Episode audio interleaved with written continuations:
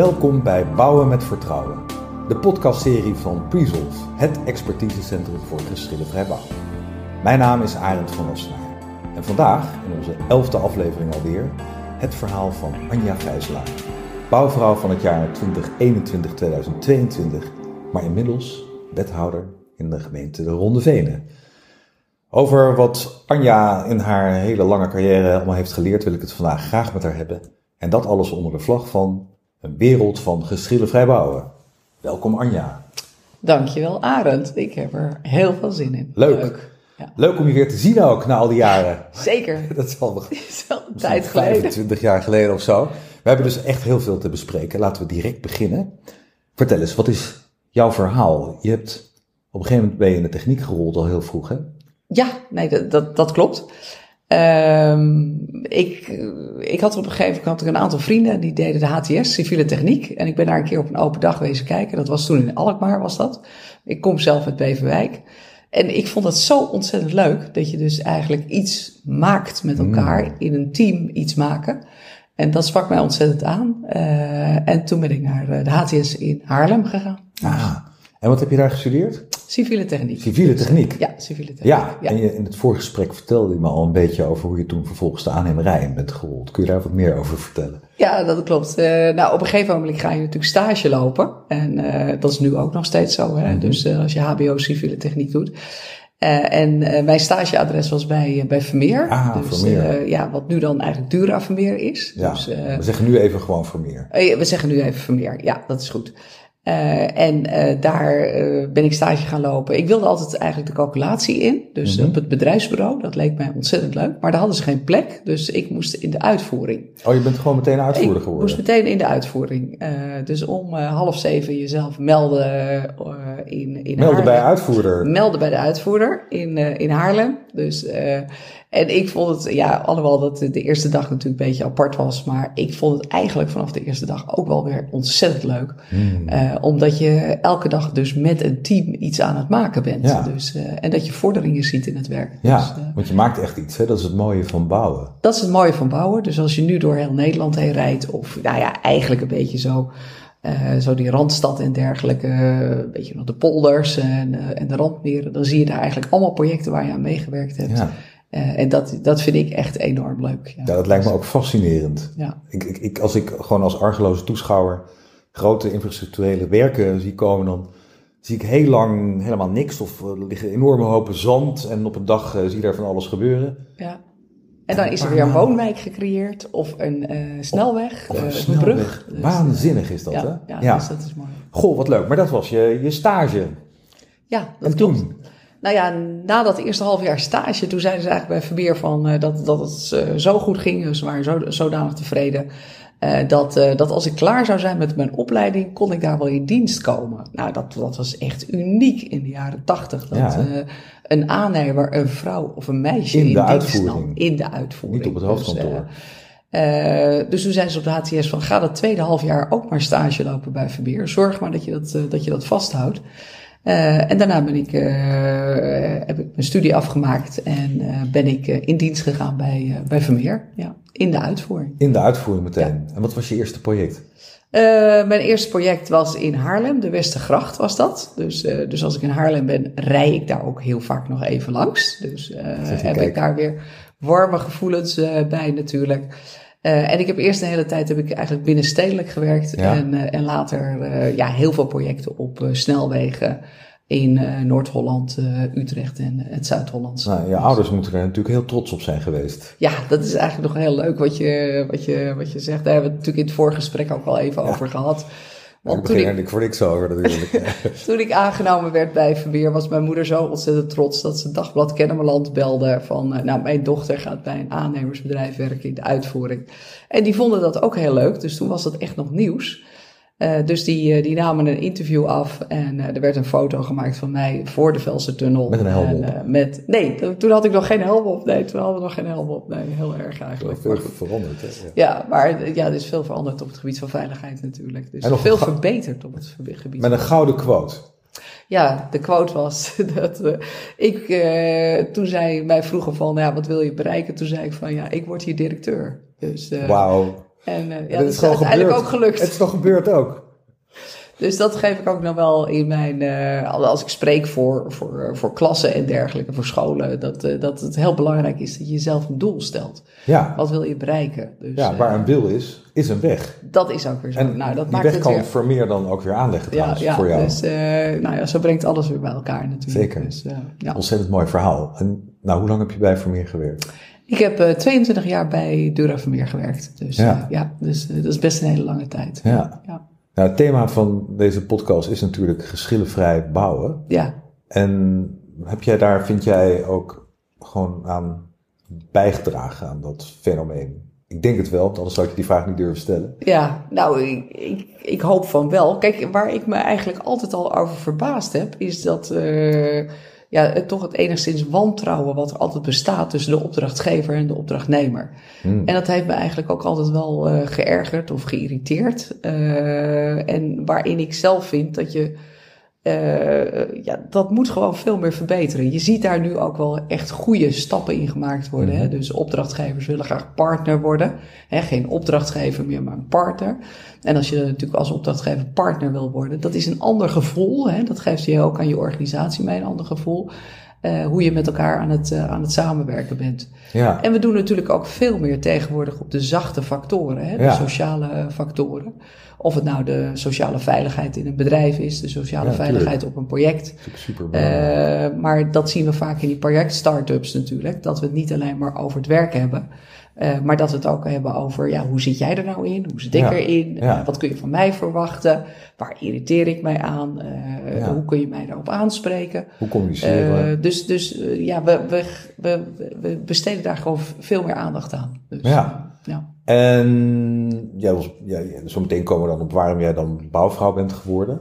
Ja. En die vrouwelijke elementen, zeg maar, daarin, spelen die een rol in dat sociale? Is, is dat doordat er meer vrouwen misschien nu in de bouw rondlopen, zou het ook zo kunnen zijn dat de bouw ook wat minder hard of, of pres- prestigeachtig of competitief is aan het worden is?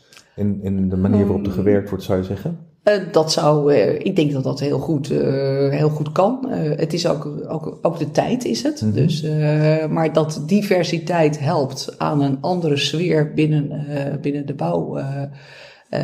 De bouwbedrijven of binnen de projecten, daar, daar ben ik echt van overtuigd. Ja. Dat we daar gewoon veel meer aandacht aan geven. Dus, Ja. dus diversiteit is van heel groot belang. Ja, dus- heel leuk vrouwen in de bouw. Precies. Maar diversiteit in de bouw is denk ik nog van een veel groter ja, thema. Want Dus, eh, vrouw-man is maar één voorbeeld van diversiteit. En zeker. Het gaat er natuurlijk om dat er niet een soort witte mannelijke eenheidsworst, eh, die allemaal dezelfde kant uit zeggen te willen en daardoor gewoon een heleboel hele belangrijke dingen Ja. vergeten. Nou ja, en dat over diversiteit. eh, Kijk, we zien natuurlijk heel veel diversiteit op de, bij de bouwplaatsmedewerkers. Hè? Ja. Dus, eh, dus als je tegenwoordig op een bouwproject kijkt, is daar enorm veel diversiteit.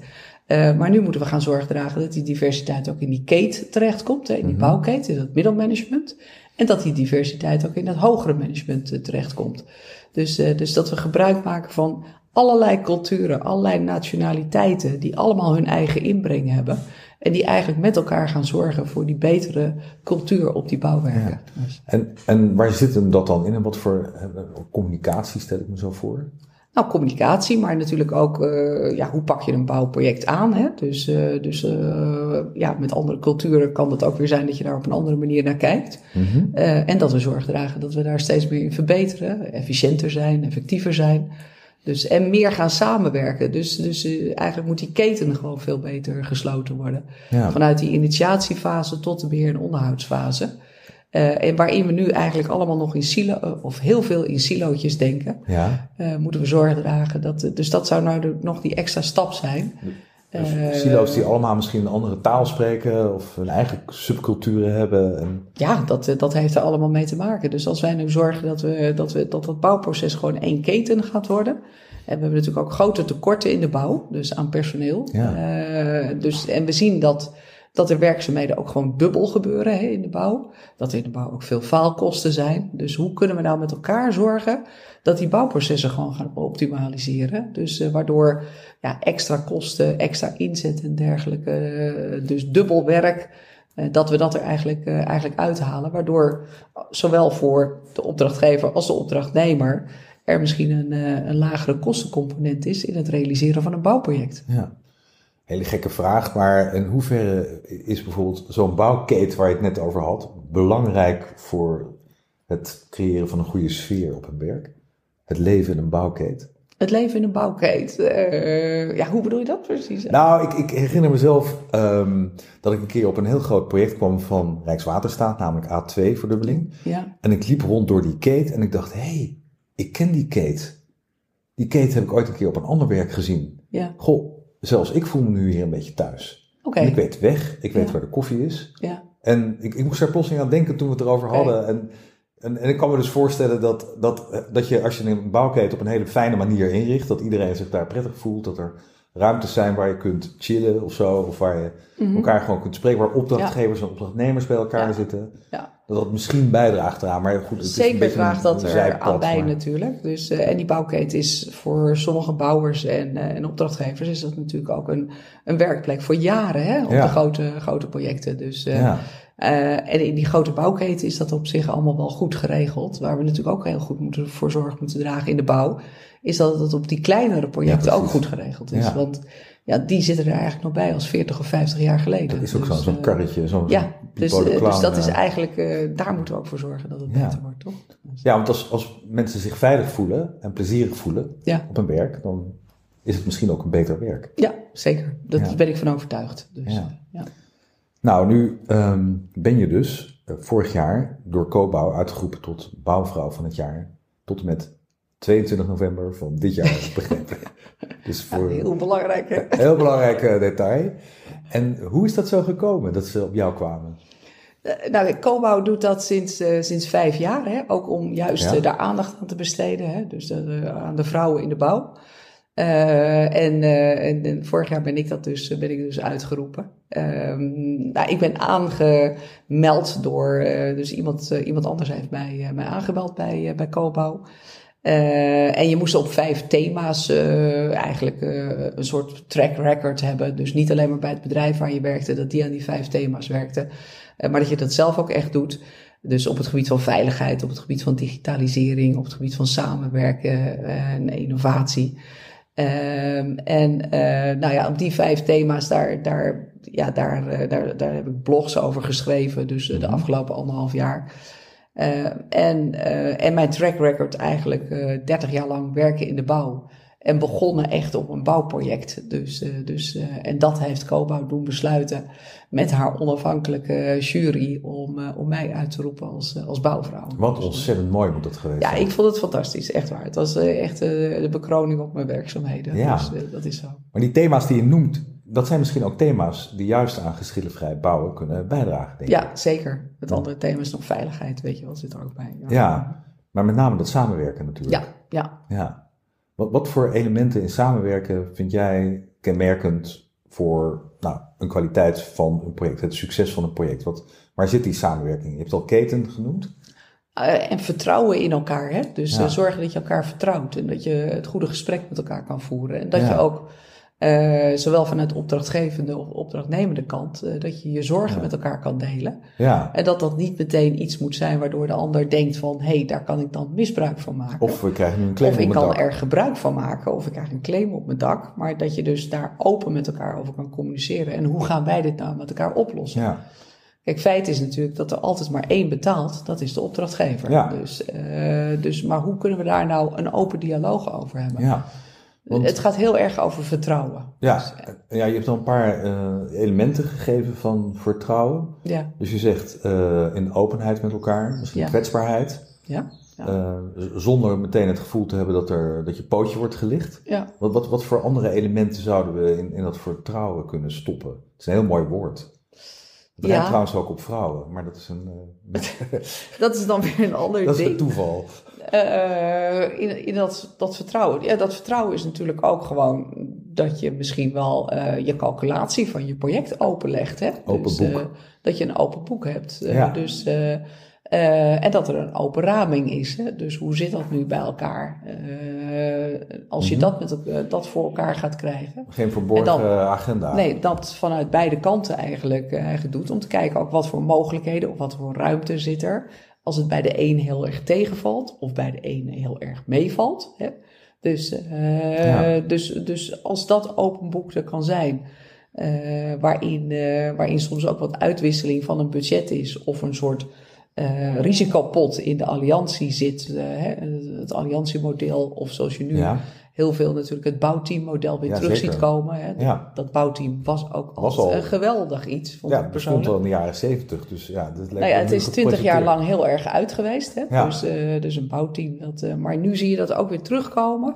Dus, uh, en daarvoor heb je natuurlijk ook gewoon vertrouwen nodig. Nou, ja, het was dus, ook en openheid. Onder meer uit omdat de overheid zei, weet je wat, de markt tenzij, althans ja. Rijkswaterstaat. En mm -hmm. zoek het maar uit, aan. Ja, maar dat kan ook natuurlijk in een bouwteam. Dus. Natuurlijk, ja.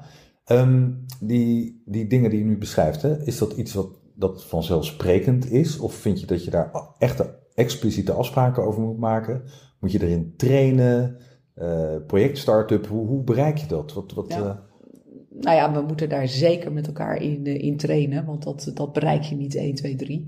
Uh, maar waar het natuurlijk ook heel erg aan ligt, is dat, dat je natuurlijk als leiding van een bedrijf, dat je dat ook echt uitspreekt. Hè? Dus, want als je dat zelf uitspreekt, dan gaat het ook, komt het ook in de genen van het bedrijf te zitten. Dus dan krijg je eigenlijk een ander soort mensen die in het bedrijf werken. Dus uh, als je het vanuit die kant uh, bekijkt. En dat is natuurlijk niet alleen maar in het uitvoeren met uh, externe, maar dat is ook binnen je bedrijven. Je krijgt een ander soortig bedrijf als je, ja. dat, uh, als je dat gaat realiseren. Maar, want je hebt 22 jaar bij Dura gewerkt, of bij ja. Formeer, sorry. Uh, Dura ja, Formeer.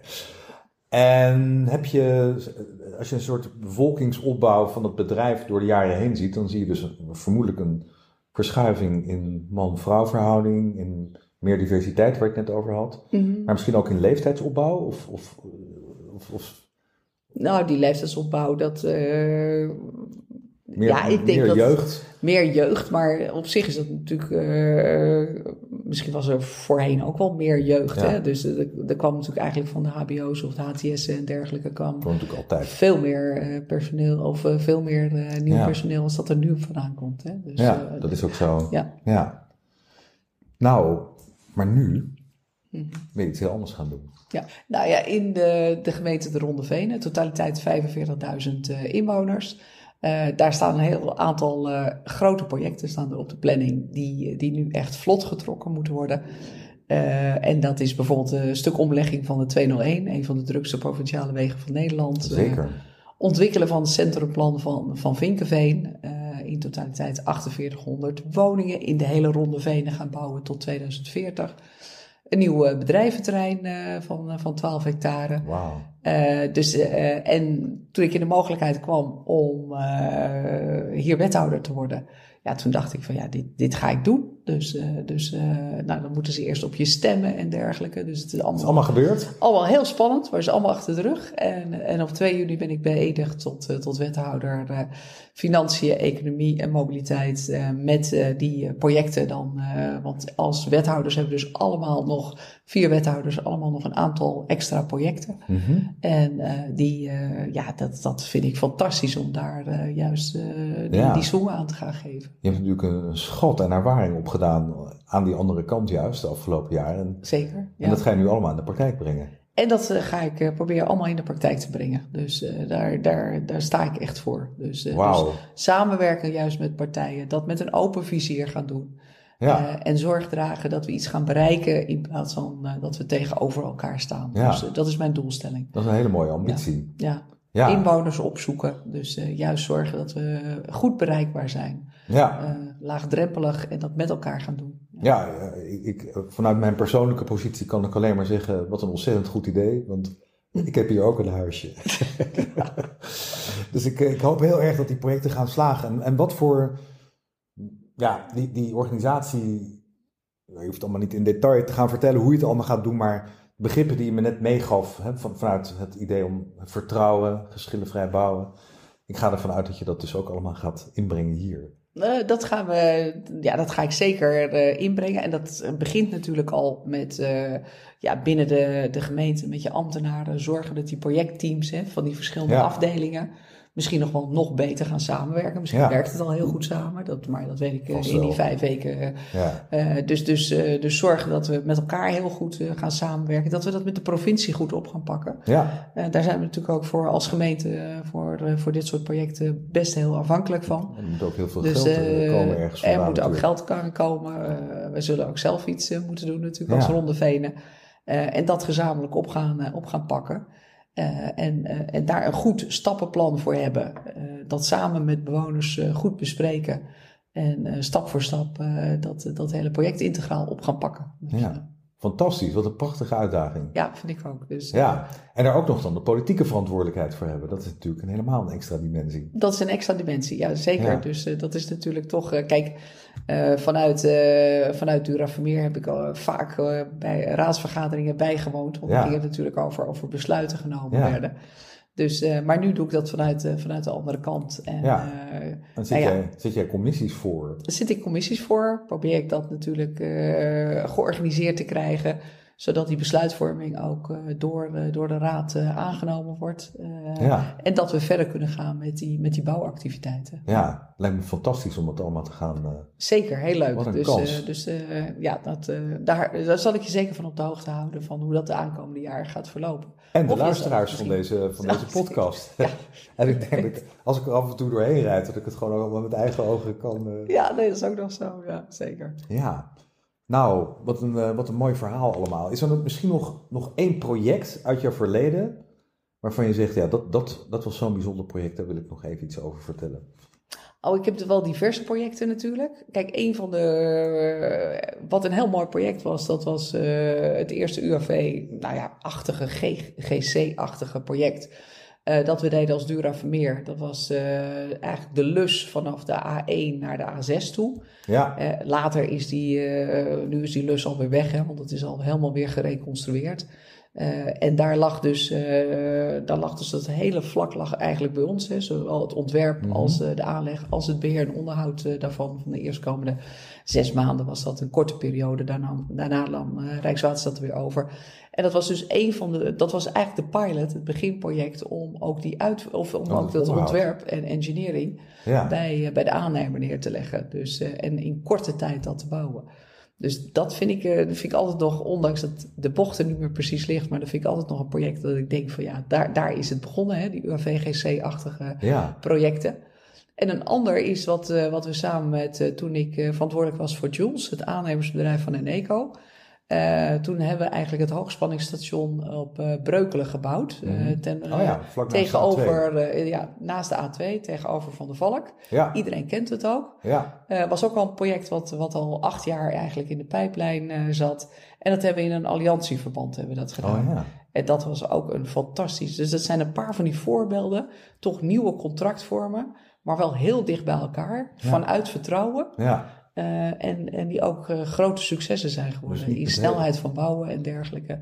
En uiteindelijk ook in budgetten die, eh, die, die gehaald zijn. die gehaald zijn. Ja, Ja. wat leuk. Dus de een heb je aan de kant van de aannemer en de andere kant aan de kant van de opdrachtgever Ja. gezien. Ja, nou ja, Johns was eigenlijk ook weer het aannemersbedrijf van Eneco. En wij deden dat in opdracht van Tenet. Dus, Ja. ja. Mooi. Ja. Goh, Anja, ik vind het echt prachtig wat je allemaal te vertellen hebt. En heel veel dank eigenlijk. Het was een heel mooi verhaal. Ik heb er veel van geleerd. En de luisteraars vast ook wel. ja, dank je. Dus luisteraars, dit was aflevering 11 van Bouwen met Vertrouwen. De podcastserie van Presolve, het expertisecentrum voor geschillenvrij bouwen. Ik sprak met Anja Vijzelaar, bouwvrouw van het jaar, op dit moment althans. En verder wethouder van allerlei hele belangrijke portefeuilles in de gemeente de Venen. Deze podcastserie is te beluisteren via Apple en Spotify, waar u zich hier ook op kunt abonneren. We zien u heel graag terug bij een volgende aflevering.